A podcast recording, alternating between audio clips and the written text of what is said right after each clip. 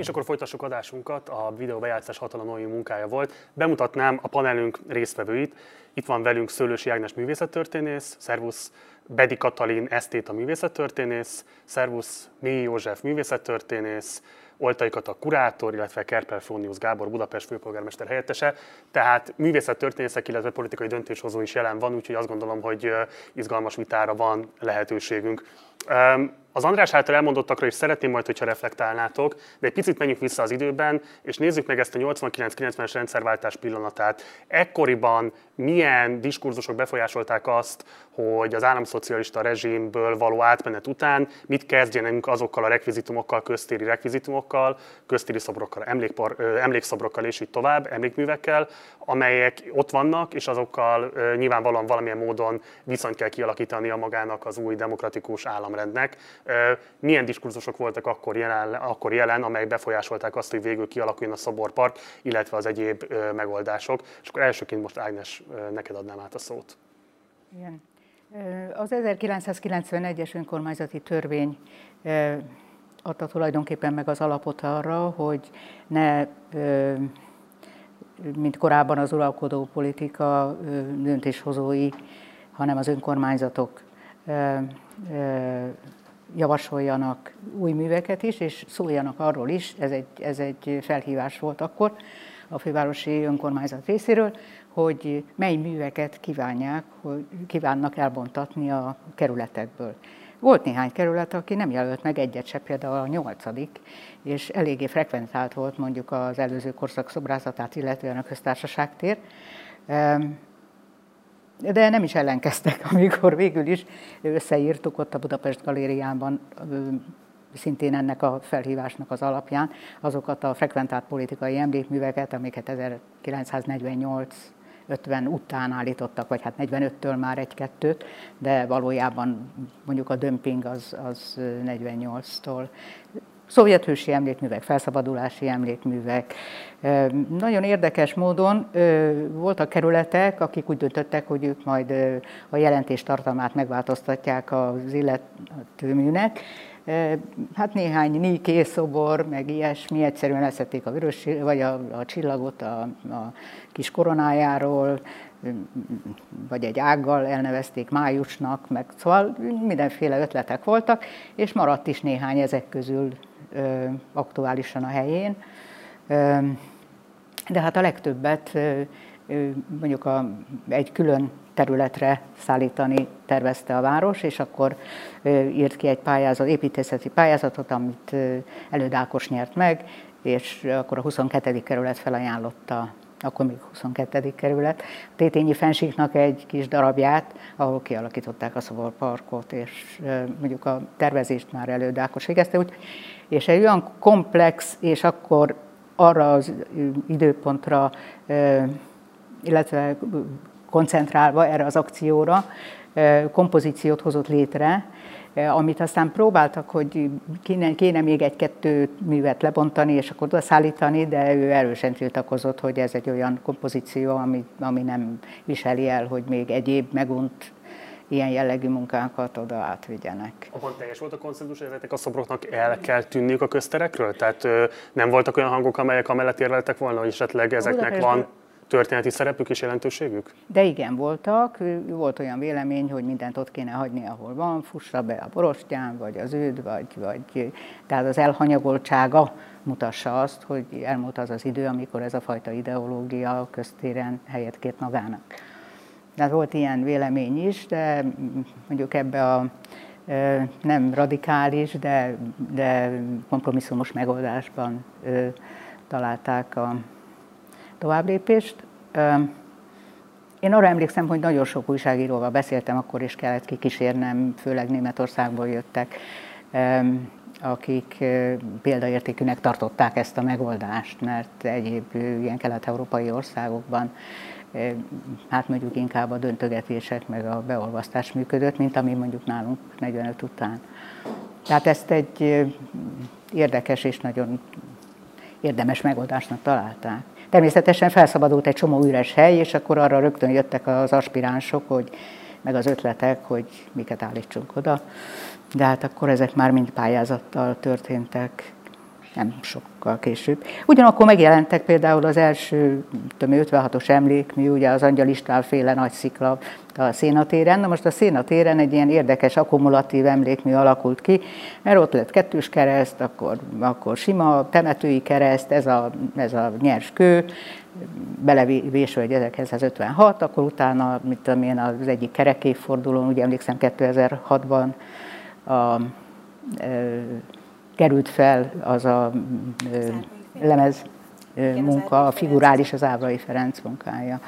És akkor azt hiszem, hogy körülbelül vége lett ennek a, a additív gesztusnak, ami ott ezt az érdekes kompozíciót hozta létre. Az is egy ilyen markáns eleme volt itt igen, az igen. Érte kifejezetten a ti megítélésetek szerint esztétikai veszteség a várost a szoborpark létesítésével és ezeknek a szobroknak az elszállításával? Tehát van olyan plastika, bármilyen szobor a ti megítélésetek szerint, ami hiányzik a városból? Hát most kicsit kitágítva a köztéri szobrokkal, szerintem érdemes egy kicsit a kánonról beszélni, mert a kánon formálásában sokfajta intézmény vesz részt. részt vesz, ha úgy veszük a politikai intézmény szerkezete, meg részt vesznek szakmai szervezetek, például mondjuk egy, egy múzeum állami gyűjteménye. És ami szerintem egy nagyon fontos dolog és elmaradt az elmúlt húsz évben abszolút, hogy azok a nagy állami gyűjtemények, hogyha mondjuk akár csak a szobroknál maradunk, de hát bőven lehetne tovább feszíteni. Tehát, hogy például az arról, hogy gondolkozik egy, egy nemzet, hogy, hogy, hogy kinek van joga, vagy hogy került be, vagy mikor kellene revízió alá vetni például a köztéri és nem csak szobrokat, hanem mint a térformálásnak ugye más aktusa is vannak, az elnevezésektől kezdve, a, a hol van hely vagy tér arra, vagy hogy szűkítik le, tehát ilyen kvázi láthatatlanabb eszköze is vannak, hogy mondjuk például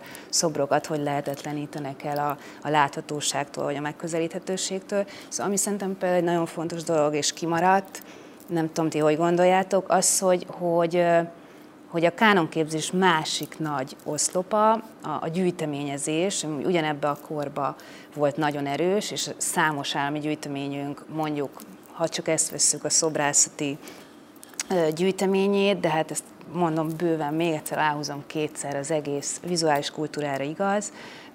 Szóval nem, nem igazán szeretne szembenézni ezzel.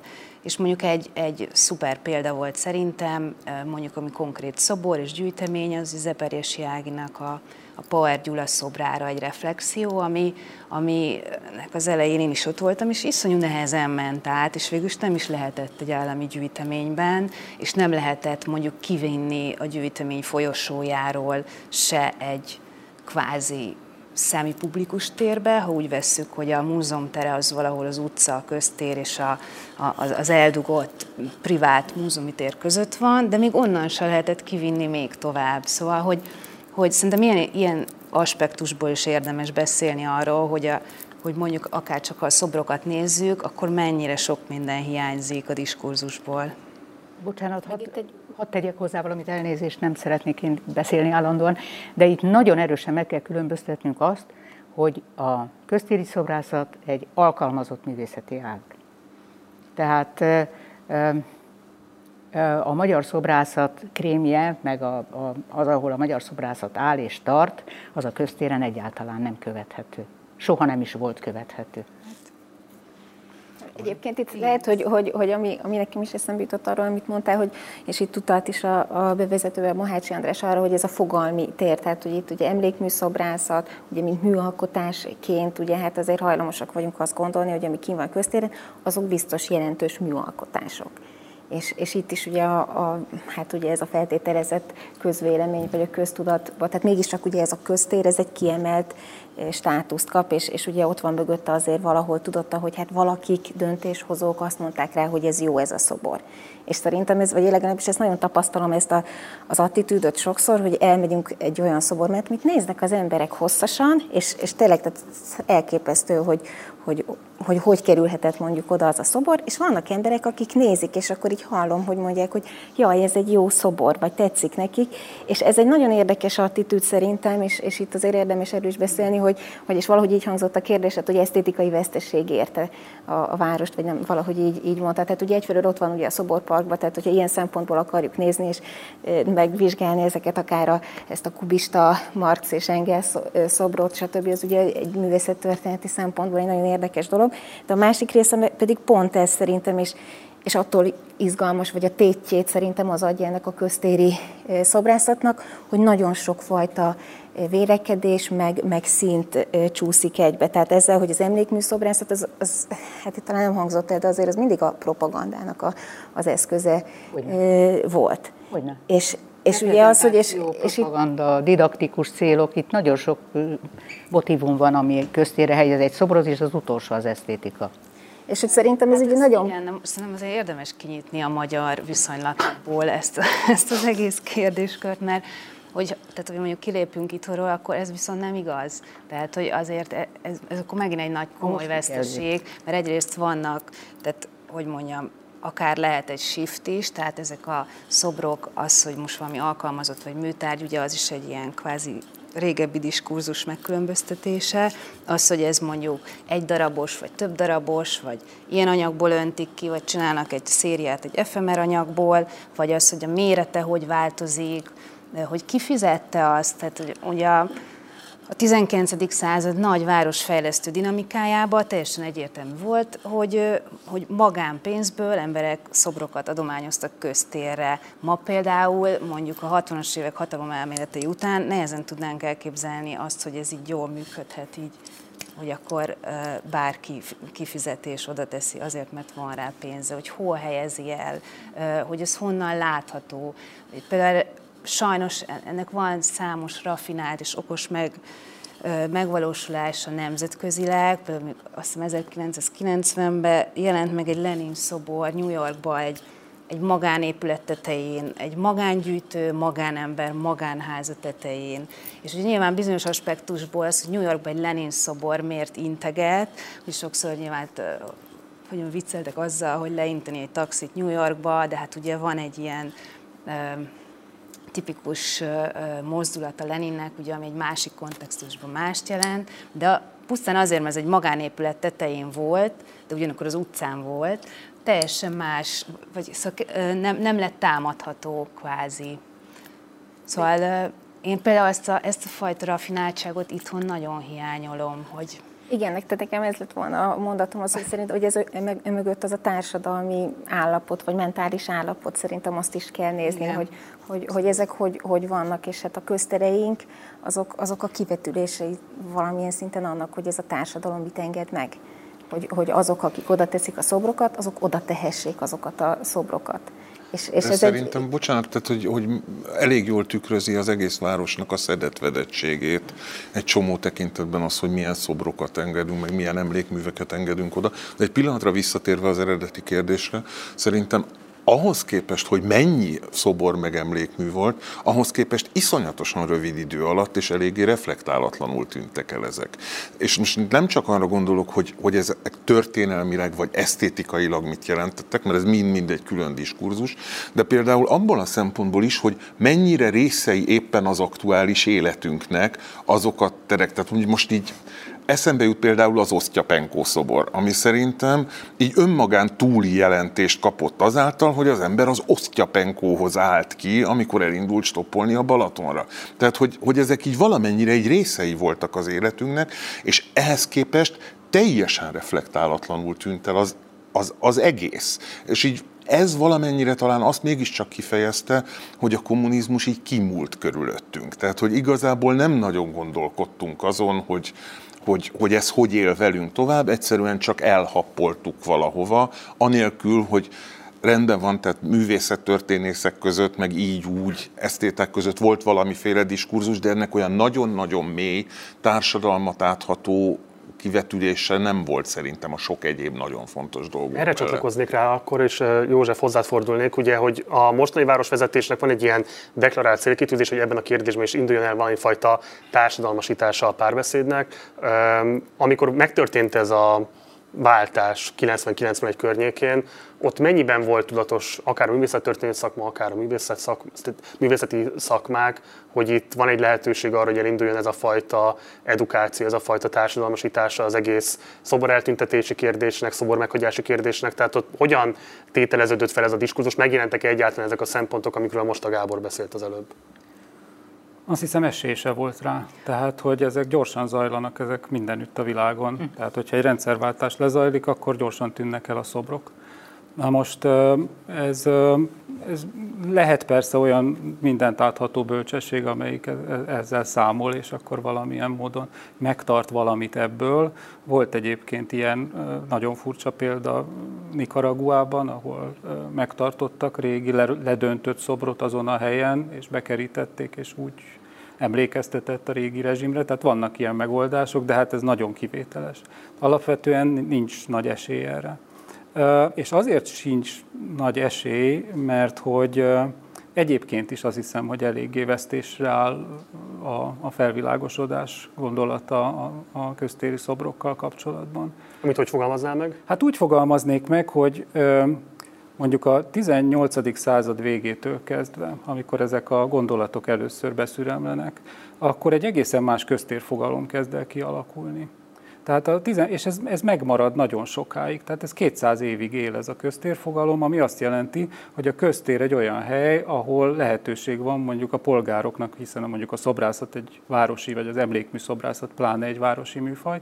Tehát, hogy lehetőség van arra, hogy a polgárokat jobbítsuk, felvilágosítsuk, tágítsuk a látókörüket, példákat állítsunk eléjük, megemlékezzenek magukról, az identitásukat erősítsük. Tehát, hogy ez megvolt.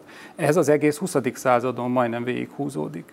Tehát még a, a, ennek a, a másik ága, a, a jobbításnak a másik ága, a díszítőszobrokkal például, az avantgárdnak a betörése.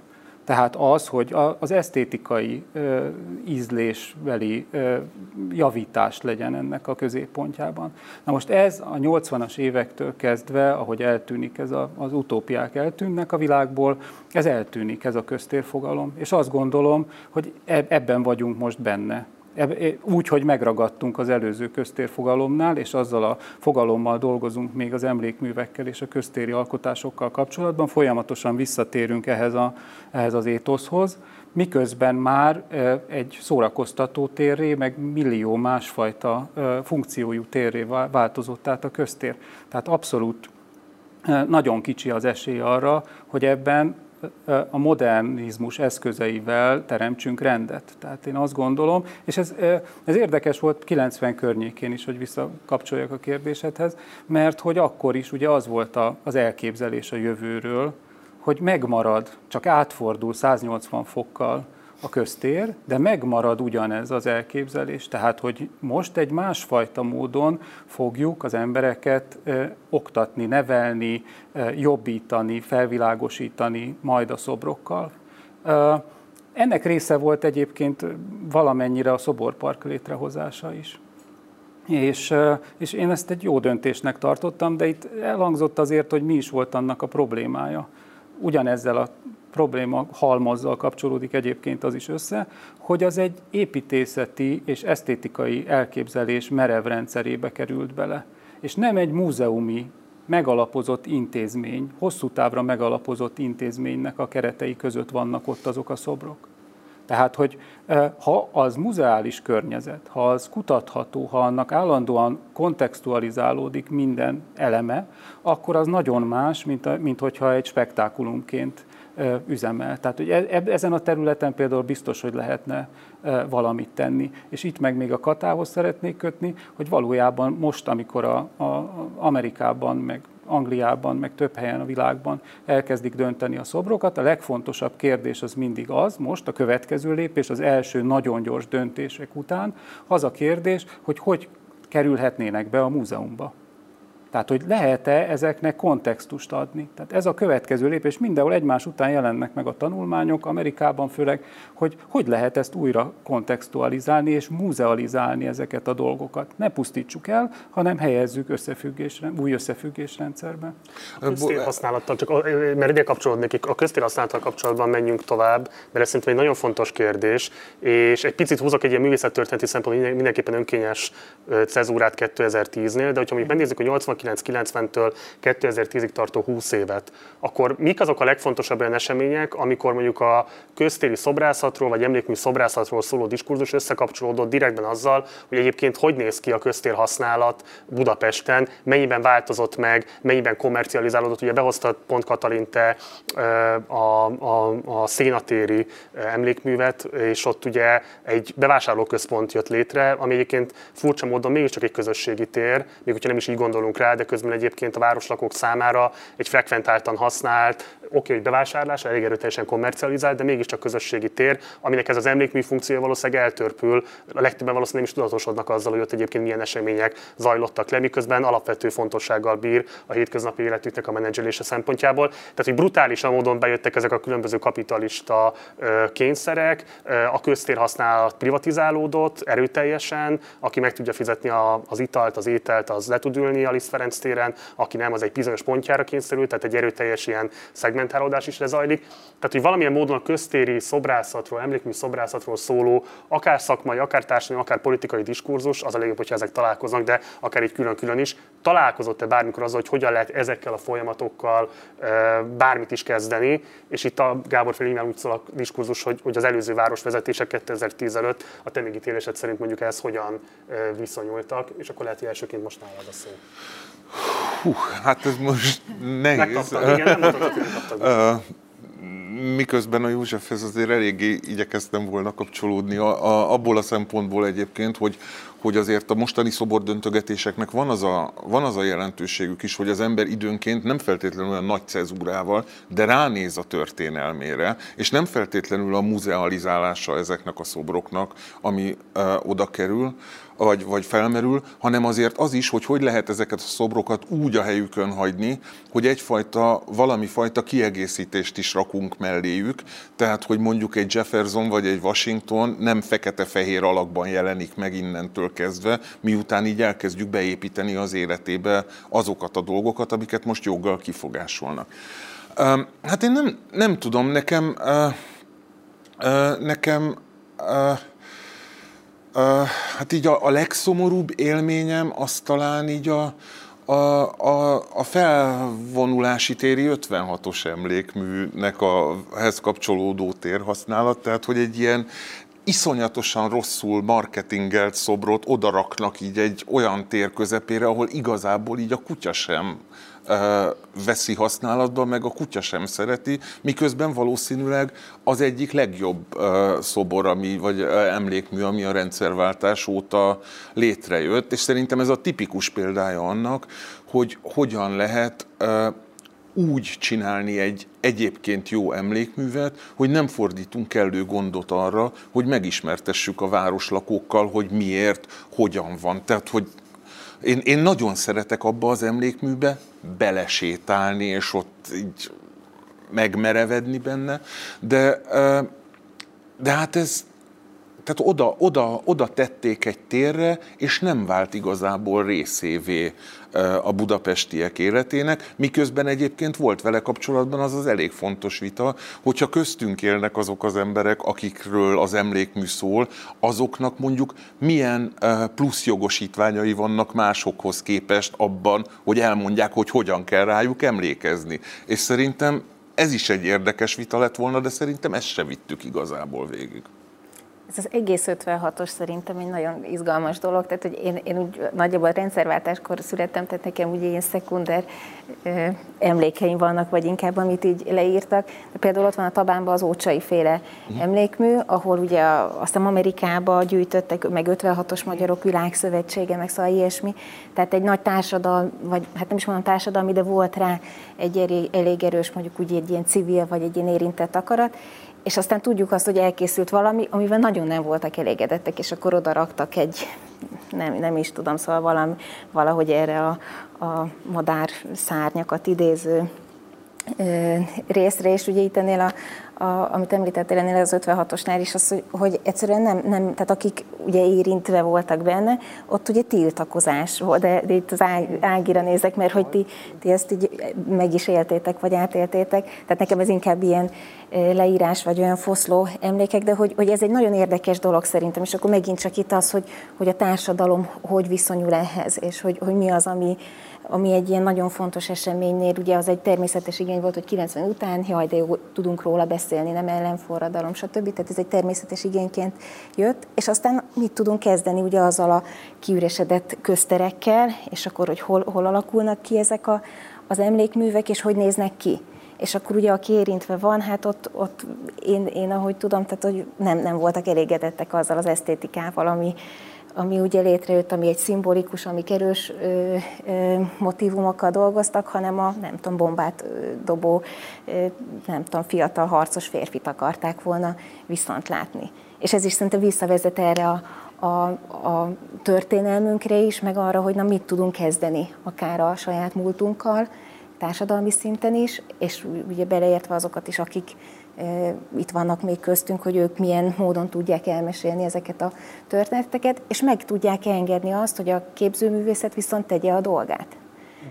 És, és olyan szimbólumokat alkosson, amik majd adott esetben a következő generációnak tudják elmondani, és itt, itt megint elég olyan kontextusba helyezni ezeket a, az emlékműveket is, hogy, hogy alkalom lehessen arra, hogy értsük őket, vagy az új és új generációk meg, meg megkapják hozzá azokat a, az információkat, ami, ami alapján fel tudják dolgozni, vagy érteni ezeket a objekt, objekteket, mondjuk így.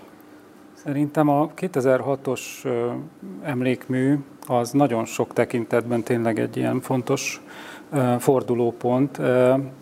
Egyrészt szerintem így utólag már látszik, hogy, hogy addigra is már annyira elvékonyodott a, az emlékműállítás mögötti intézményrendszer, hogy nem volt képes kezelni az ezzel kapcsolatos vitákat.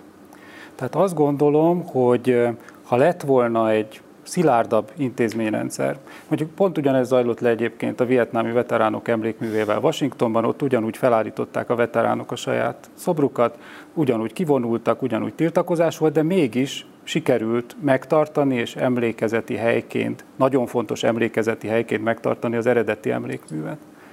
Na most ez itt Magyarországon már akkor nem volt lehetséges.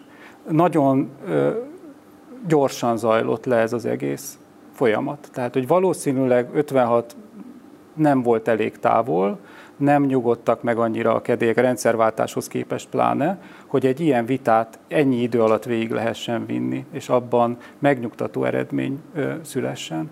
Tehát, hogy ott már látszott ez a dolog, és látszottak ezek a, én nem tartom egyébként egy nagyon, tehát követ, nem egy következetes emlékmű, azt gondolom, tehát Miért esztétikailag sem.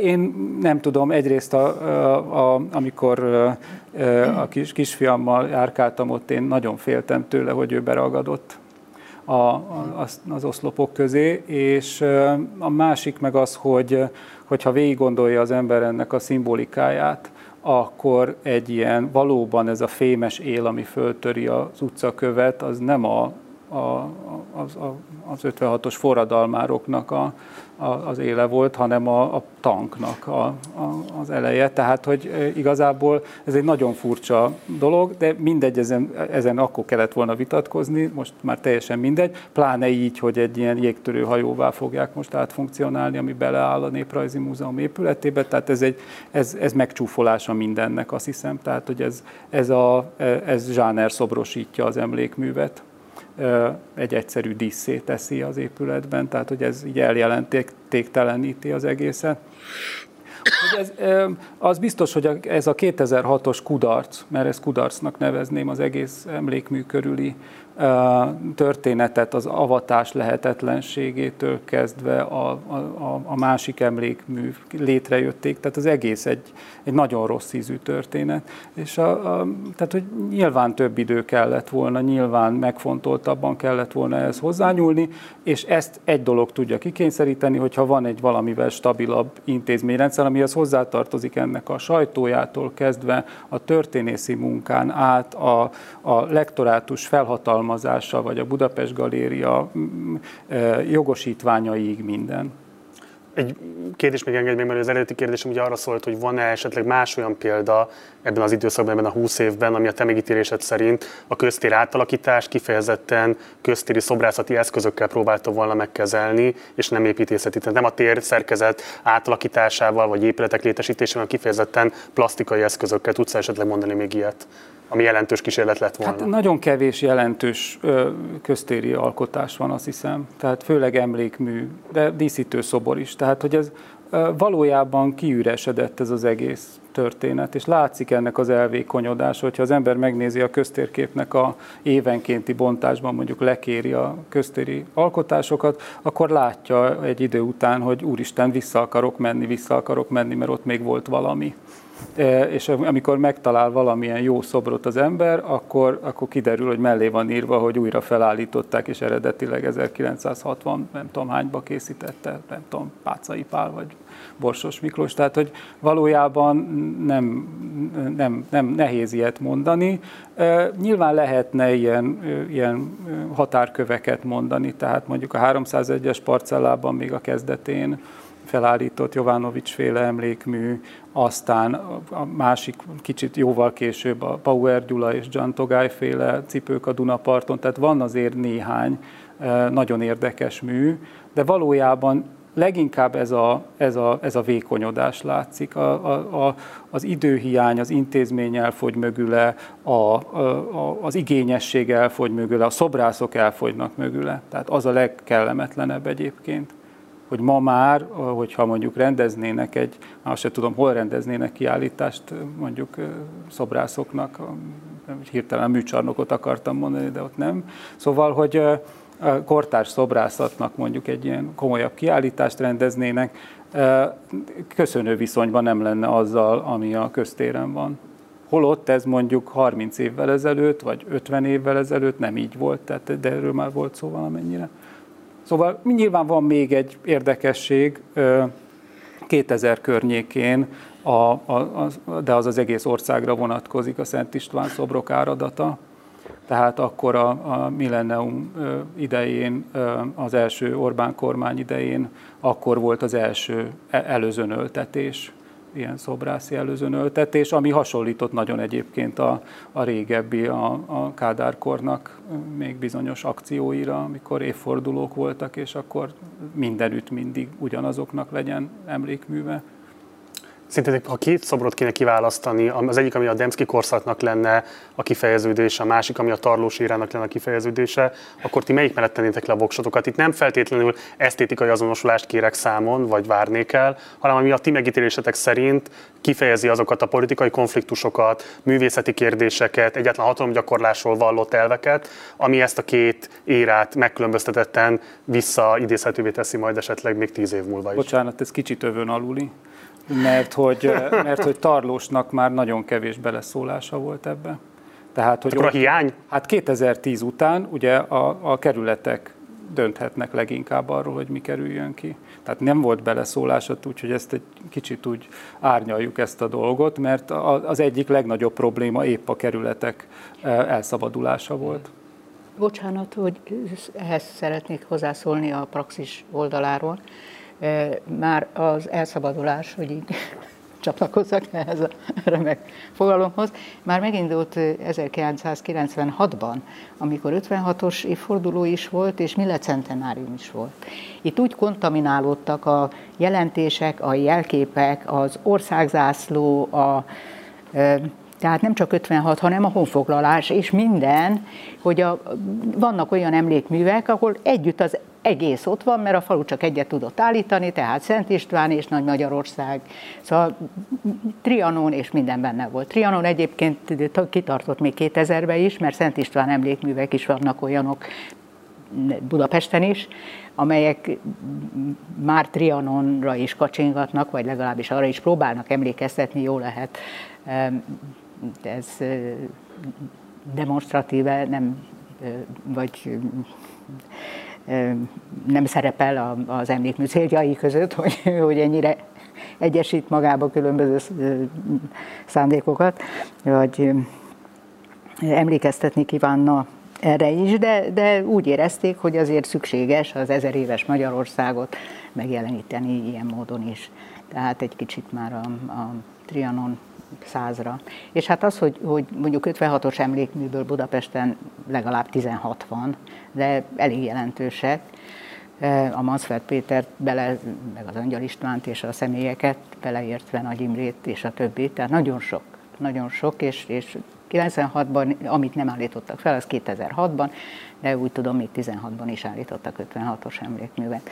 Tehát ez így minden kerület, minden városrész meg kísérli, hogy ezt az emlékezett politikai csomagot, a, a 48-at, az 56-ot, a Trianont, a Szent Istvánt, a, a honfoglalást, ezt, ezt valahogy ha vagy egybe, vagy külön emlékműként, de önmaga is megépítse. Nekem ez a tapasztalatom, hogy, hogy minden kerület, hát olyan hétvezér szobrokat állítottak fából, hogy egyszerűen visszautasítottuk a zsűrizését, mert, mert, mert ilyen népi fafaragó munkák voltak tulajdonképpen a külső kerületekben. Nem minősíten. Kata? Hát igazából egy kicsit a saját szakmánk, vagy legalábbis én a magam nevében a saját szakmánk hát nem is tudom, e- ellenébe is beszélnék, nem biztos, hogy ez a jó szó. Szóval, hogy szerintem ott, ott például nagy mulasztása van annak, hogy, hogy ennyire pozíciót vesztett, hogy, hogy alapvetően a magyar kultúra az a verbalitáson alapuló kultúra, a színház, az irodalom felül reprezentált. Ha megkérdeznék bárkit az utcán, de hogyha megnézitek a, a, a tévécsatornákat, vagy azt, hogy milyen ö, társadalmi ö, mozgást indít el egy, egy színházi vagy egy, egy irodalmi sztori versus egy képzőművészeti, akkor, akkor ekkora a különbség. Szóval ez, ez így van, ennek történelmi gyökerei vannak, és valahol ezt nem ismerte föl, és egy, egy új generáció se, és aztán nyilván van egy csomó oka, hogy 2010 után milyen fajta intézményi e, elhagyások, kirugások, átszerveződések, meg a konglomerátumok alakultak ki, de hogy, hogy tulajdonképpen abban nem lépett elő a szakmánk, hogy ne hagyhassák ki abból, hogy, hogy, hogy mondjuk, hát bár mondjam, távol rugaszkodnék az ízlésformálás ilyen, ilyen nagyon patetikus és nem tudom, felül irányított részéről, de az, hogy kihagyható lett mindenből, hogy nincs műemlékvédelem, hogy, hogy tulajdonképpen hogy, hogy néz ki az, ami mondjuk még ha úgy veszük, hogy szigorúan meg van hagyva a saját házatája, bár már szerintem ez se igaz, tehát nem lehet azt mondani, hogy a múzeumok vagy a közgyűjtemények azok a szakma házatája, mert egyáltalán nincsen így. Szóval nagyon kiszorult ebből, hogy, hogy, hogy komolyan vegyék, hogy, hogy szava legyen, hogy, hogy az informális kapcsolatai is megmaradjanak, már pedig ez ezt be kell látni, hogy ez így van, tehát ez így működik, tehát attól, hogy valaki egy pozíciót visel, vagy, vagy X publikációja, vagy szaktekintély bármiben, ha, ha nem tartja fenn azokat az informális kapcsolatokat, akkor és ez bizonyította a magyar elmúlt tíz év, akkor nagyon könnyen kihagyható abból, és kérdezem én, hogy ki reklamálja azt, hogy szakmai konszenzus van-e abban, hogy mondjuk akármilyen köztéri szobrok, de hát itt mondom, ezt messzire tágíthatnám ezt a kört, hogy egyáltalán ez, ez téma-e, már pedig ami felé megy a, a művészetnek a, a megítélése, vagy, vagy, vagy ez a diskurzus, ez egy olyan nyitás, hogy elmossuk ezeket a hierarchiákat, hogy az alkotó, a, a múzeum, és akkor a befogadó, és nem tudom mit, tehát hogy, hogy például számos munka, meg számos köztéri munka, az az interakcióra épít, adott esetben az efemerségre, az, hogy valaki kapcsolatba lép fel, akkor megváltoztassa, tehát nem az alkotó jelentése az, ami ott sziklaszilárdan megjelenik, és ehhez valahogy saját felkészültségével viszonyulhat az, aki ezt nézi. Tehát, hogy, hogy olyan sok minden ment át egyébként ilyen tulajdonképpen ilyen művészet elméleti síkokon, hogy hát én az elég messz, szóval messzinek látom, hogy ez például köztéren megjelenjen. Hát a, a, köztéri szobornál nincs költségesebb dolog ezen a területen. Na most ez mind pénzkérdés. Tehát, hogy abszolút, mind intézményi abszolút. és pénzkérdés. De Tehát, amit az Ágnes, a rendszerben. Az, a rendszerben van, de hát látjuk, abszolút. hogy itt a 90-es évektől kezdve folyamatosan hogyan, milyen csomagokban került pénz a köztéri alkotásokra. Tehát, hogy volt mindig egy nagy csomag, amiből le lehetett hívni mondjuk 56-os emlékművekre, és persze, hogy arra a pénzre pályáztak. Tehát, hogy most is ez van, hogy eh, ahol pénzhez lehet jutni, ott lesz eh, alkotás is pillanatok alatt, és óriásira duzzadtak ezek az összegek egyébként most teljesen az intézményes kereteken kívül. Igen, abszolút. Na most volt egy ilyen illúzió valamikor még a 90-es években, hogy hát az állam valamilyen módon mégiscsak, bár nem lesz vétójoga az intézményeknek abban, hogy mit állítanak föl milyen területeken, de mégiscsak hát az állam fogja a legtöbb pénzt adni ezekre. Tehát ahhoz például hozzá lehetne esetleg kötni. De hát ez illúziónak bizonyult, mert, mert ez, nem, ez egyáltalán nem volt realitás. Tehát egyrészt olcsóbbak lettek a szobrok, másrészt fából készült, készítették el helyi mesterek, harmadrészt meg egyéb finanszírozási formák keveredtek ki ebből. 2010 után meg az egész úgy, ahogy van a feje tetejére állt. Forduljunk át a jelenre, és akkor hozzád fordulok, Gábor, hogy Egyrészt itt nagyon sok minden szempont fölmerült, ami ugye alapvetően a Városházának a felelőssége, intézményrendszer működtetése, a viszonyoknak a kitisztázása, jogosítványok biztosítása, de itt van egy csomó olyan szempont, amiről nem is beszéltünk. Ugye van egy meglévő ö, szoborállomány, vagy plastikaállomány, aminek ugye a fenntartása, karbantartása, gondozása szintén ö, fővárosi felelősség, és akkor ebben az egész egy feladat együttesben, amiben ugye rengeteg ö, mulasztást terheli az előző vezetéseket, ö, még ott van egy olyan szempont is, amit ti most felvetettetek, hogy egyáltalán kezdjünk el gondolkodni arról, hogy mit jelent a köztéri szobor létesítés, és egyáltalán milyen előfeltételei vannak annak, hogy egyáltalán beszéljünk erről a kérdésről. Arra kérlek most, hogy foglald össze, hogy hol tart ez a gondolkodás nálatok, és hogy mi a terv mondjuk erre a ciklusra, hova szeretnétek eljutni a ciklus végéig a köztéri szobor létesítés és a meglévő állomány gondozása tekintetében. Azért az nagyon fontos, hogy ez nem csak fővárosi, hanem fővárosi és kerületi feladat.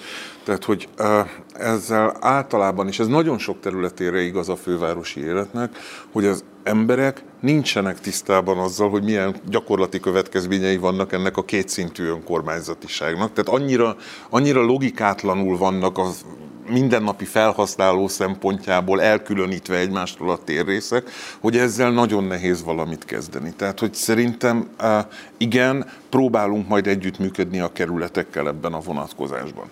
Nekünk egyébként van egy olyan projekt, ami így az alakuló ülés környékén előtérbe került, ez a háborúban megerőszakolt nők emlékműve, ami egy nagy vállalkozás, abban az értelemben, hogy szeretnénk egy olyan emlékhelyet csinálni, ami úgy fog létrejönni, hogy egyébként széles körű társadalmi bevonással próbáljuk megcsinálni, mert hogy ugye vannak ezek a rémes előképek, például a német megszállási emlékmű, amit gyakorlatilag úgy oktrojáltak rá Budapestre, hogy gyakorlatilag éjjel merték csak a helyére tenni, és nem igen uh, uh, uh, én nem is tudom, hogy fölavatták-e voltak nem, itt. Nem. Tehát, hogy, hogy szerintem ez szörnyű, és egyetlen egy valamit azért mégiscsak köszönhetünk neki szerintem, az a mellette létrejött eleven emlékmű diskurzus, meg a mellette levő beszélgetések, ami szerintem egy kicsit így tehát a nagyon-nagyon kevés jó fejlemény egyike 2010 után, hogy úgy reagálunk valamire, hogy próbálunk alulról létrehozni valamit, reflektálni rá, és folyamatosan társadalmi jellegű tevékenységként életben tartani valamit, és fölmutatni valamit azzal szemben, amit a hatalom képvisel. És én, én azt hiszem, hogy ez lesz a jövőnek az útja, hogy, hogy nagyon sok beszélgetéssel, nagyon sokféle szempont bevonásával, aminek az egyik része kell, hogy legyen a politika. Tehát, hogy én nem hiszek abban, hogy úgy lehet egyébként köztéri emlékműveket csinálni, hogy abból a politika ki legyen hagyva. Azt viszont, hogy azt viszont, hogy a politika folyamatosan felülbírálja, vagy adott esetben mindenkit megkerülve odarakja ezeket a dolgokat, azon végre túl kell lépni. Na, akkor én ehhez kapcsolódnék, és ebben kérném a véleményeteket, mert ugye egyrészt a szobornak, vagy igen, emlékparknak a létesítéséről már lehetett hallani, és ugye itt ezzel szimpatizálók el szokták azt mondani, hogy van egy reprezentációs deficit a budapesti szobrok tekintetében, nevesül, hogy akár alakjában, tehát női alakok nagyon keveset szerepelnek köztéri szobroknál, illetve kifejezetten női történelmi személyiségeknek emléket állító plastikák nagyon alacsony számban vannak jelen. Ugyanakkor vannak ezt kritizálók, akik azt mondják, például mondjuk pont az árportálos vitában Véner Tibor, hogy most akkor akatyva az, akkor rendetlenség, hogy semmifajta még akár ilyen méltányolható reprezentációs deficitet orvosolni kívánó kezdeményezésnek sincs helye, egyszerűen moratóriumot kell hirdetni a köztéri szoborállításra 10-20 éven keresztül. Egyébként azt az időt mire kell felhasználni, ebben Véner Tibor nem feltétlenül tesz egyértelmű javaslatokat, de mi Kertész László megfogalmaz egy-két ilyen pontot, illetve Farkas Viola is tesz ezzel kapcsolatban javaslatokat. Úgyhogy itt most kettős kérdés szól akkor hozzátok egyrésztről. Mit gondoltok, milyen szempontokat érdemes figyelembe vennie a városházának, hogyha egy ilyen szobor vagy szoborpark létesítésére emlékhely létesítésére törekszik, illetve mit gondoltok a szoborállítási moratórium kérdéséről, kell-e szoborstop Budapesten, avagy sem? Lehetünk így akkor végig, akkor gyerünk. Nem néztek még? Abszolút, Kata.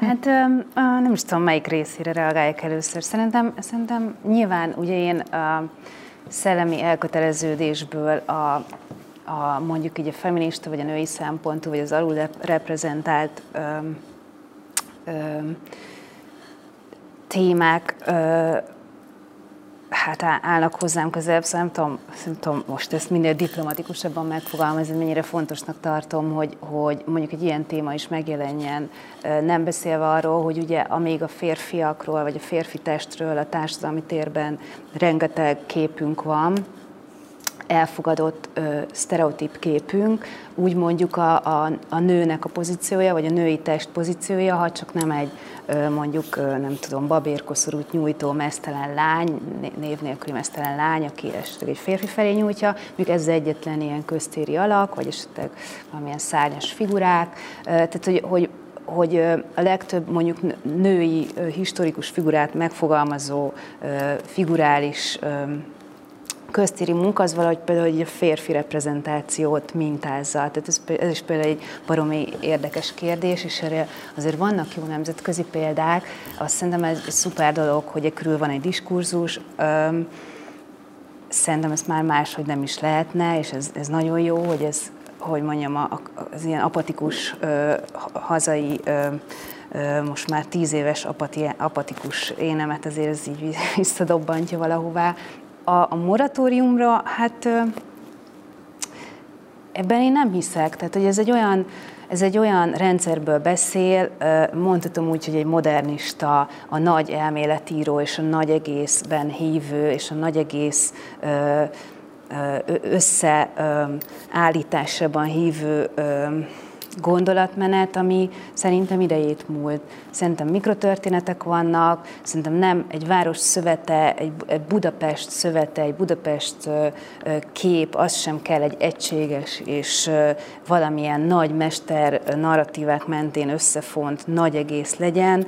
Lokális történetek vannak, egymásnak ellentmondó történetek vannak, olyan kritériumok, amikkel vitázni lehet. Szóval szerintem egy, egy kozmopolita, vagy egy posztmodern város, vagy egy kultúrafelfogás, az bőven megengedi magának, nem beszélve arról, hogy még mennyi minden hiányzik, ami a magyar, vagy akár a budapesti társadalmi mm, hát színességet reprezentálhatná, akár időszakosan is egyébként. Ezt még egyszer mondom, hogy Ugye számos olyan, mondjuk akár vásárokhoz kapcsolódóan voltak olyan munkák, amiket, amiket időszakosan raktak be egy városi szövetbe, azért, hogy megváltoztassanak valamit. Például, a, hogyha megvan nektek a, a Trafalgar téren Londonban, ugye lecserélték az egyik nagy hadvezér szobrát, ugye egy nagy szuper ikonikus csata helyszín, ahol lecserélték, és egy skandináv művész páros, az Green és Draxet egy időben megfiatalított férfit, egy kisfiút, egy hintalovon tett oda ráadásul ilyen stilizáltan, vagy kicsit stilizáltan. Szóval számos nagyon jó megoldás van arra, hogy hogy lehet akár időszakosan átérni egy térnek a, a, a jelentését, és ezzel már elindul valamit. Tehát például nagyon hiszek ezekbe a pillangó effektusokba, akár amit a kutyapárt is csinál, tehát azt is bőven idehoznám egyébként. Ezek szerintem nagyon fontosak, szóval semmiképp sem gondolom azt, hogy felülről egy, vagy akárhonnan egy moratóriumot kéne szabni, és akkor azt majd valaki valamilyen pozícióból feloldja. József? Szerintem se lehet moratórium, mert hogy eleven élet van, és, és ez így alakul, tehát ez ennek a része. A, a, az emlékezet létrejötte is, tehát hogy ezt nem lehet lestoppolni bizonyos időre. Azt gondolom, hogy amit a Kata mondott, ott valóban lehetne mozgástér akár a főváros számára is, hiszen volt itt azért példa köztéri eseményekre, amelyek viszonylag jól működtek és egész jó eredményeket is hoztak. Ez volt például a pont itt most a, Bakos Gábor féle kezdeményezés, hát most már jó régen, tehát 15 éve, vagy mennyi lehet, a, kétszer volt kint köztéren, ellentmondásos volt, és sok minden történt az művek körül, voltak köztük jobbak, meg rosszabbak is, de egy ilyesmit jó előkészítéssel biztos, hogy meg lehetne csinálni. E, nyilván az nagyon vagány lenne, hogyha ilyen Trafalgar Square-i akció lenne, hiszen az is most már, hát nem is tudom hány éve. 12. 13. Ez a szó, azt hiszem 12-ben. De nem, 2007 igen. körül, vagy valahogy így, már még korábban kezdődött talán az egész, igen. Nem volt ott egyébként szobor, tehát ez mindig üres volt. Mm. Az nem, nem volt ott a vas szobor, úgyhogy, és állítólag Erzsébet királynő vár a hely valójában, de ez csak pletyka. Na jó, szóval, hogy, hogy egy ilyen léptékű dolog is esetleg működtethető lenne. Tehát akár nemzetközi összefüggésrendszerben gondolkodni, hiszen mondjuk tényleg ezek a, a, az elvetemült pénzek, amik most a Nemzeti Bankféle szobor megrendeléssel összefüggnek. Tehát, hogy az egy olyan összeg két alkotásra, amiből a világ legjobb művészeit meg lehetne hívni Budapestre. Tehát Mondjuk egy, ez összeget csak azért a nézők, akik esetleg nincsenek tisztában. Hát ez 670 millió körül volt, ha jól emlékszem, a, a, a volt Magyar Telekom székház. Nagyságrendileg két millió euró mondjuk. Hát igen, de hogy nagyon-nagyon sok pénz. Tehát, hogy és most még ezt még megfejelik egy másik művel. Tehát, hogy valójában ezek az összegek, ezek már akár arra is elkölthetők lennének, hogy valami értelmes nemzetközi projekt jöjjön ki belőle, ami kortárs, ami összefüggés, tehát tágasabb összefüggésrendszerbe helyezi akár Budapestet is, nem csak a Nemzeti Bankot egy szűk kis kaszniba.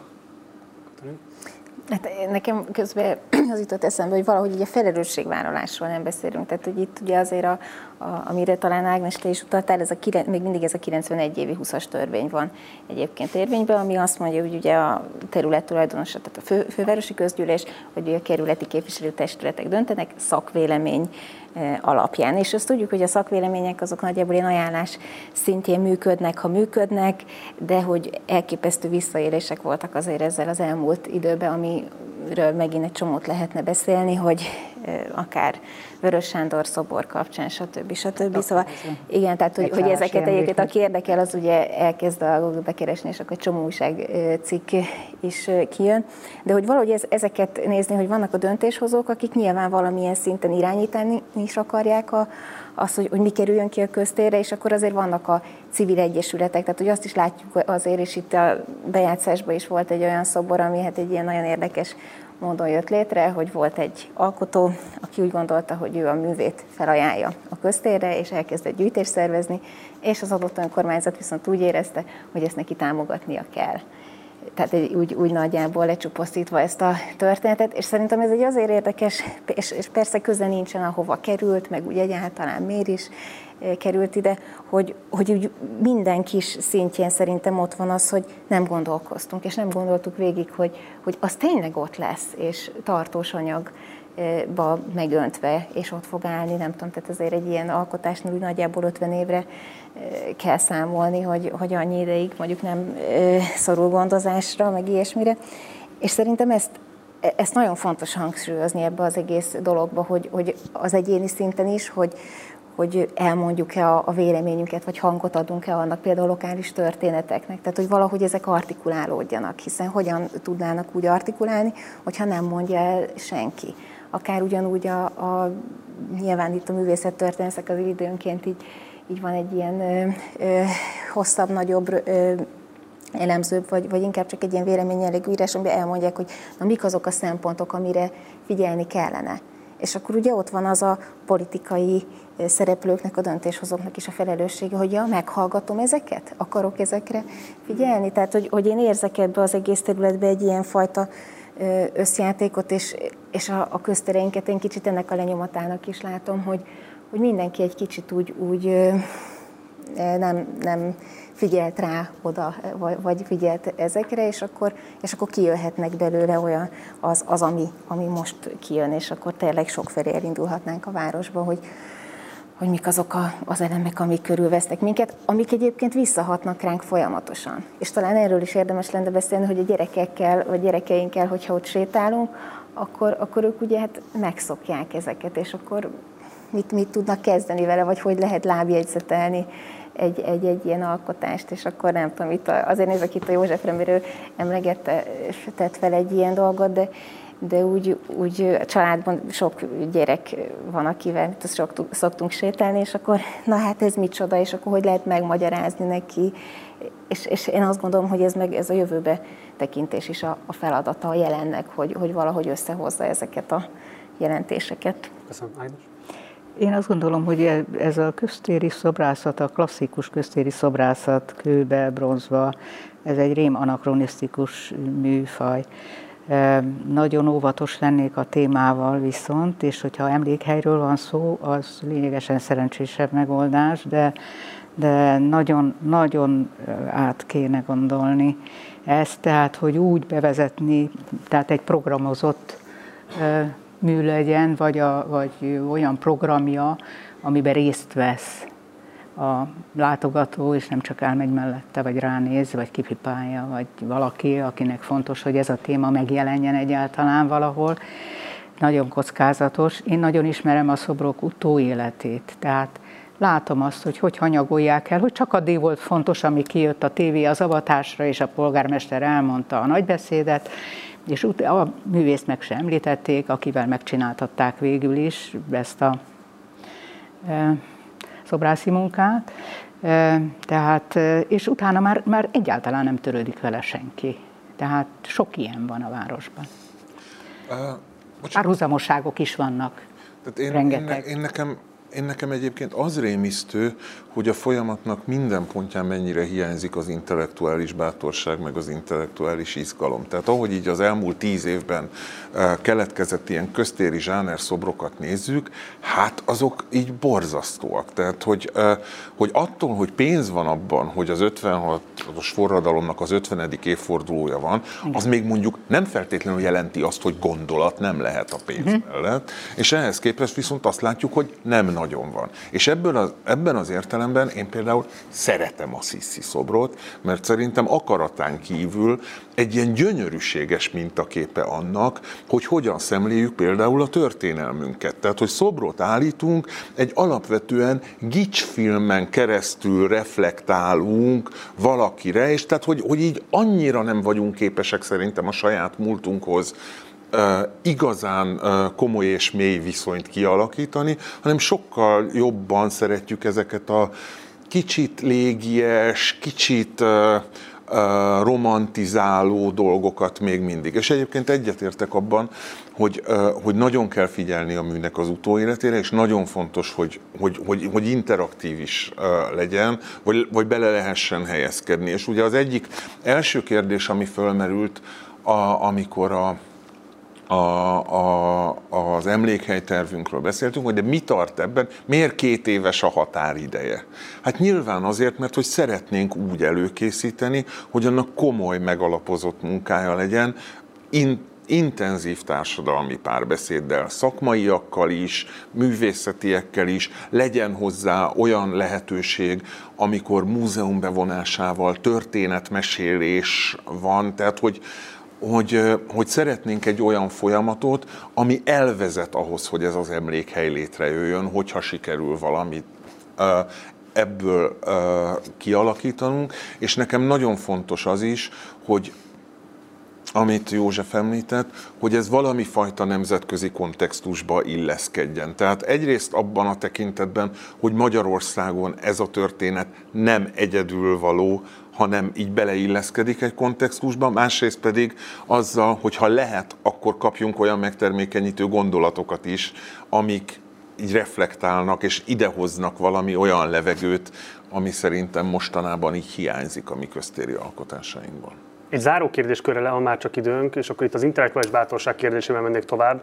A Farkas Viola írásából szeretnék idehozni egy gondolatot, és erről szeretném kérdezni a véleményeteket. Ez egy komplexebb, összetettebb kérdéskör, igyekszem minél rövidebben megfogalmazni. Ő ugye alapvetően arról ír, hogy ez az egész szempontrendszer, mi szerint legyen egy lektorátus, mi szerint legyen valami bírálóbizottság, társadalmasítás és így tovább. Bizonyos értelemben anakronisztikusak abban a kérdésben, hogy egyébként azok a kihívások, amikkel a városok, az itt lakók szembe fognak nézni következő egy-két évtizedben, azok ilyen radikálisan fogják felülírni ezeket a standardeket. Tehát hogy itt van egy olyan standard együttes, amit a magyar társadalom vagy a város vezetése, a mindenkori állam vezetése nem volt képes adaptálni az elmúlt három évtizedben, de most már késő is lenne adaptálni őket, mert totálisan új kihívások jönnek, amelyekre már nem lehet ezek mentén választani, legalábbis emellett érvel Viola. És ő behozza azért ezeket a konfliktusokat, amelyek jöhetnek akkor, amikor ugye te részvételiségért felelős alpolgármester helyettes vagy, főpolgármester helyettes vagy, bocsánat, bocsánat. Tehát, hogy, hogy ott bejön az a konfliktus, egyébként rendben van, ha nincsen meg az edukáció, akkor egyébként valójában milyen esztétikák fognak majd versenyezni, és mik fognak dominálni. De ha megvan az edukáció, akkor valójában nem csak arról van szó, hogy egy elit által kánonnak elfogadott esztétikai kódrendszer próbálunk valamilyen módon demokratizálni, azon keresztül lenyomjuk emberek torkán. Tehát, hogy ugye mi nem vagyunk most nagyon messze a Korvin negyedtől, ami ugye egy ilyen urbanisztikai szempontból hihetetlen sebe az egész városrésznek, aminek a közepén ott van ez a Bud Spencer szobor, amiről nyilván sok mindent gondolhatunk itt most ebben a körben, de én valahányszor mondjuk ott járok, akkor az emberekben van egy ilyen ismerős érzet, egy ilyen ö, érzelmi kötődés kérdése, amit én teljes mértékben meg tudok érteni. Nem venném a bátorságot hozzá, hogy értéktelennek gondoljam, mert hogy Bud Spencer az tényleg egy olyan ikon, nem tudom én így a magyar emlékezetben, hogy így tényleg mondjuk az elmúlt három évtizedben emberek tömegei nőttek fel a filmjein, és tök mindegy, hogy milyen esztétikai értéket tulajdonítunk ennek, ez mégiscsak megteremt egy valami fajta olyan érzetet, amit azért így többen is meg pendítettetek a felszólalásaitokban, vagy megszólalásaitokban, hogy, hogy az, az fontos, hogy valamilyen módon ismerőség, ismerős érzetet alakítson ki, érzelmi kötődést alakítson ki a térrel, vagy valamilyen módon fölhívja a figyelmet arra, hogy itt van, jelen van, kiszakítson abból a élettevékenységből, amit éppen elvégzek. Tehát itt van egy ilyen, egy ilyen probléma is, hogy, hogy, hogy mi az a kódrendszer, amit szeretnénk egyébként, hogyha az emberek magukénak vallanának, és mit tudunk azzal kezdeni, hogy egyébként magukénak vallanak, vagy az oktatási deficit okán, vagy csak azért, mert egész egyszerűen ők ezt tartják jónak, és ez szembe megy a szakmai szempontokkal. És akkor a kérdés, hogy itt van az elő, előttetek ez a két év, hogyan próbáljátok fölépíteni ezt a folyamatot, és hogyan lehet ezekre a konfliktusokra úgy választ hozni, hogy a végén teljesen elképzelhető, hogy egy olyan eredmény jön majd ki, mert ez a nép akarat, akár is fogalmazzuk ezt meg, hogy nem biztos, hogy azok a reprezentatív szempontok, esztétikai szempontok, amiket ti kiíróként és kezdeményezőként relevánsnak tartotok, hogy azok fognak dominálni. Ilyenkor hol kell és hogyan kell döntést hozni? Demokratikusabban kell eljárni, vagy éppen ellenkezőleg egyfajta felvilágosult esztétikai, nem tudom, nevelést kell inkább érvényesíteni? Tehát, hogy hol lehet ezeket a szempontokat összebékíteni, hogyha egyszerűen úgy tűnik, hogy ezek összebékíthetetlenek? Hát én azt gondolom, hogy a beszélgetésben lehet ezt megcsinálni, tehát hogy, hogy nem lehet az embernek megspórolni azt a folyamatot, és az, azt így valahogy el kell, el kell érni, hogy, hogy ne egy ilyen dihotomikus rendszerben gondolkozzunk. Tehát, hogy van az a kódrendszer, amit mi szeretnénk, és van az a kódrendszer, amit az egyszerű ember hajlandó elfogadni. Szerintem azzal is szembesülni kéne, hogy van többféle, tehát hogy többféle kódrendszer lehetséges egyáltalán. Tehát, hogy szerintem most azért valamennyire ennek az elismertetéséért is dolgozunk. Szerintem a részvételiségi folyamatnak pont az az egyik ilyen nagyon tehát két, két olyan része van, amire, ami nagyon fontos. Az egyik az, hogy hogyan tudja az ember megszólítani azokat az embereket, akik bizonyos problémákban nem nagyon szokták elmondani a véleményüket. Tehát, hogy hangot adjunk azoknak, akiknek nincs hangjuk, és, és megszólaltatni azokat, akik nem szokványosan mondják el a, a, a dolgokat. A másik pedig az, hogy, hogy igen, ez egy edukációs folyamat, és e, egy elfogadtatási folyamat is. Tehát, hogy, hogy, hogy olyat nem fogunk tudni csinálni, ami mindenkinek tetszik. Szerintem egyébként lehet olyan vége is, és ezt most egy kicsit bátortalanul mondom, lehet olyan vége is ennek a részvételiségi folyamatnak, hogy kiderül, hogy nem tudunk olyan közös nevezőre jutni, aminek a végén valami, uh, valami születik, mert hogy például belátjuk azt, hogy olyan sebek tépődnek föl, vagy olyan módon viszonyulunk ezekhez, hogy nem lehet létrehozni egy olyan konszenzust, amiből valami jót és értékállót lehet csinálni, akkor lehet, hogy föl kell tenni a kezünket, és, és ezt a kudarcot elismerni, és akkor lehet, hogy ez lesz a, ez lesz a tett, de mindenképpen szerintem az egy nagyon nagyon lényeges része ennek, hogy úgy menjünk végig, hogy megpróbáljunk minden ponton lehetőséget adni arra, hogy valami jó szülessen. Köszönöm. Ágnes. Most igen, ennek alapján azt gondolom, hogy ez, ezek szerint ez az emlékhely, ez nem is a köztér kategóriába tartozik, hanem a, a privátból a nyilvánosság felé nyitás e, gesztusa van benne, vagyis a megismertetés, annak számára, aki ebbe részt kíván venni. Tehát nem olyan, hogy elmegyek és orba vág, hanem magamnak kell kíváncsinak lennem ahhoz, hogy oda menjek. Tehát mert szerintem ez a, a nyilvános szféra és a privát szféra totálisan össze van ma keveredve. És nem jó mértékben bizonyos esetekben. Ezért érzem problematikusnak ezt a témát. Kata. Én fejtettem, mi volt az eredeti kérdésed egyébként, mert olyan hosszan mondtad, és abban egy csomó minden volt, ami a fontosabb, fontos. mert az demokratizál, és kötődést alakít ki a városhoz, vagy be kell vállalni, hogy adott esetben egy oktrojáltabb esztétikával megfogalmazott, de progresszív, provokatív alkotás mellett teszi a voksát a városvezetés, mert az edukál inkább. Én azt gondolom, hogy a részvételiségnek is van egy retorikája, ami sokféleképpen működhet. Szóval milyenképp kíváncsi vagyok rá, mert egyrészt nagyon érdekel, hogy, hogy, hogy ebben az országban, ahol, ahol pláne a vizualitással kapcsolatban minimum az a tehát nincs meg az a fajta felszabadult kíváncsiság, és ezt mondjuk legtöbb esetben a, a, a helyek sem teremtik meg, hogy merjél kérdezni, tehát rendkívül frontális az egész, tehát nálunk még mindig, még a kis galériákban, de múzeumban is megnyitók vannak, ami már sehol a világon nincs, hogy valaki beszédet mond, és utána nézhetsz rá a munkára, ez számos olyan rendkívül konzervatív dolog van beépülve, és akkor még az általad említett oktatást nem is mondom, hogy gyakorlatilag Kant több ezer éves életművéből ez egy mondat marad meg, hogy az ízlésről nem lehet vitatkozni, vagy néha nem kell vitatkozni, vagy nem szabad vitatkozni, hogy ezek olyan, olyan masszívan beleégtek szerintem, amiket nagyon nehéz kiütni, nyilván teljesen fals módon, Szóval mindenképpen kíváncsi vagyok, hogy ez hogy, hogy fog végbe menni, mert,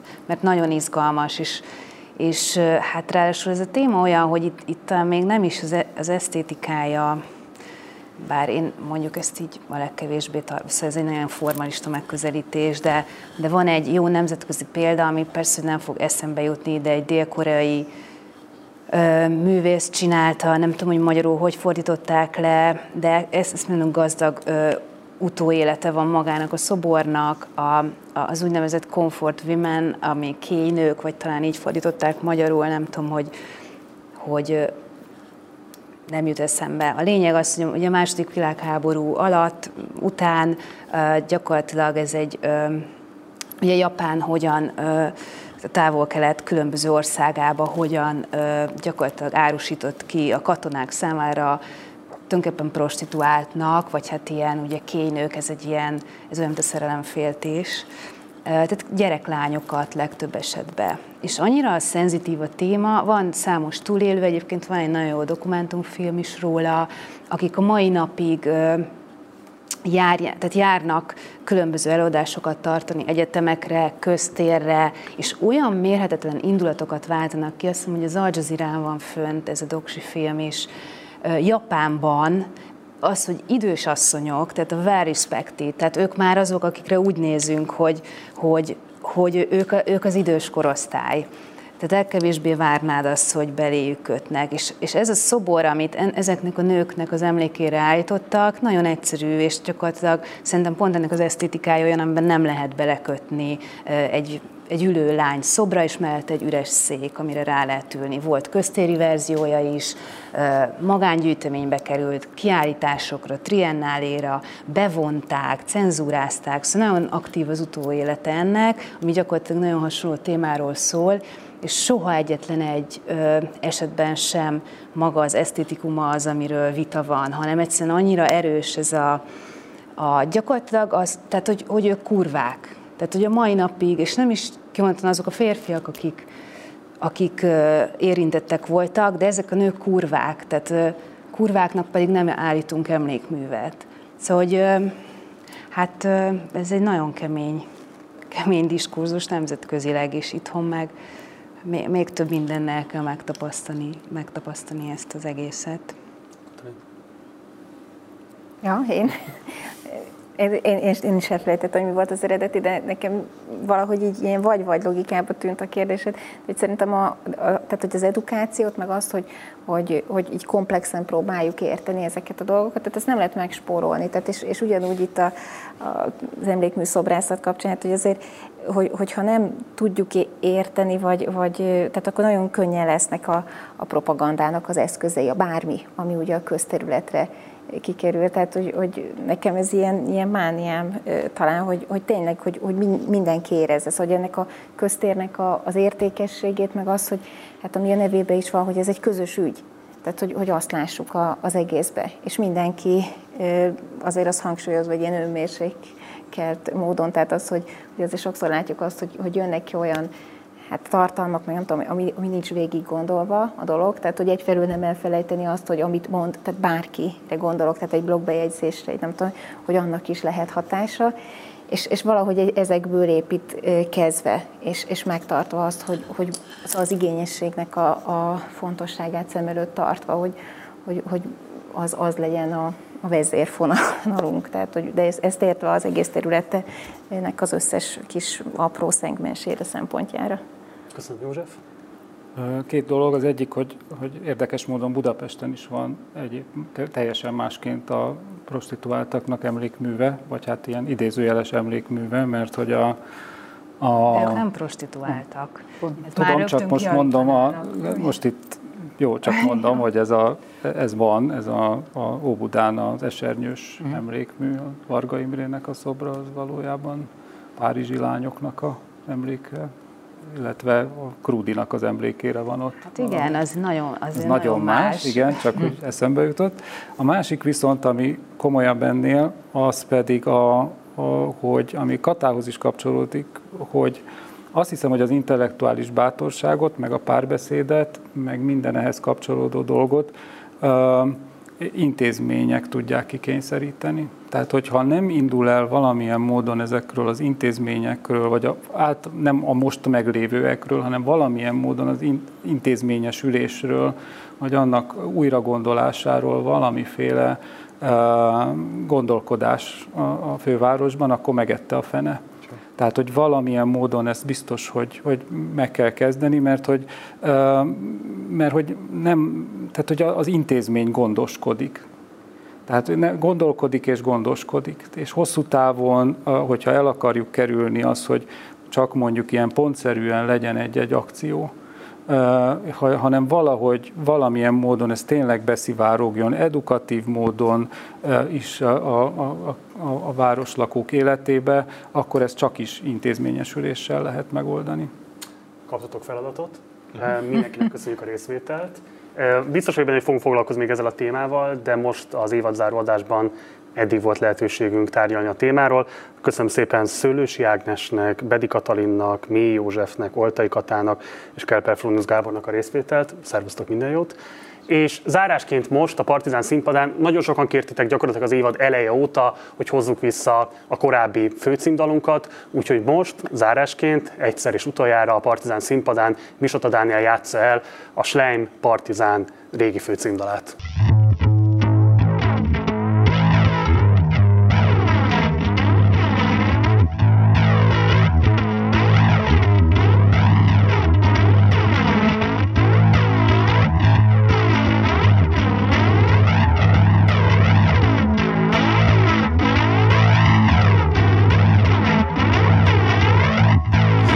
Morgan, you shake, you bleed.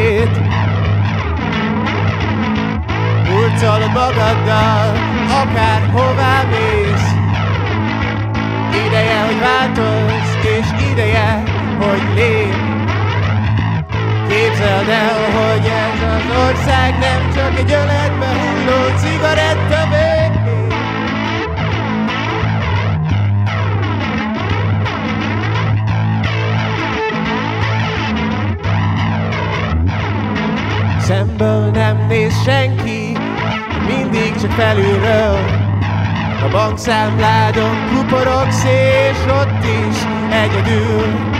Ez senkinek sem kérdés, hogy tízmillió ember együtt, hogy van egyedül.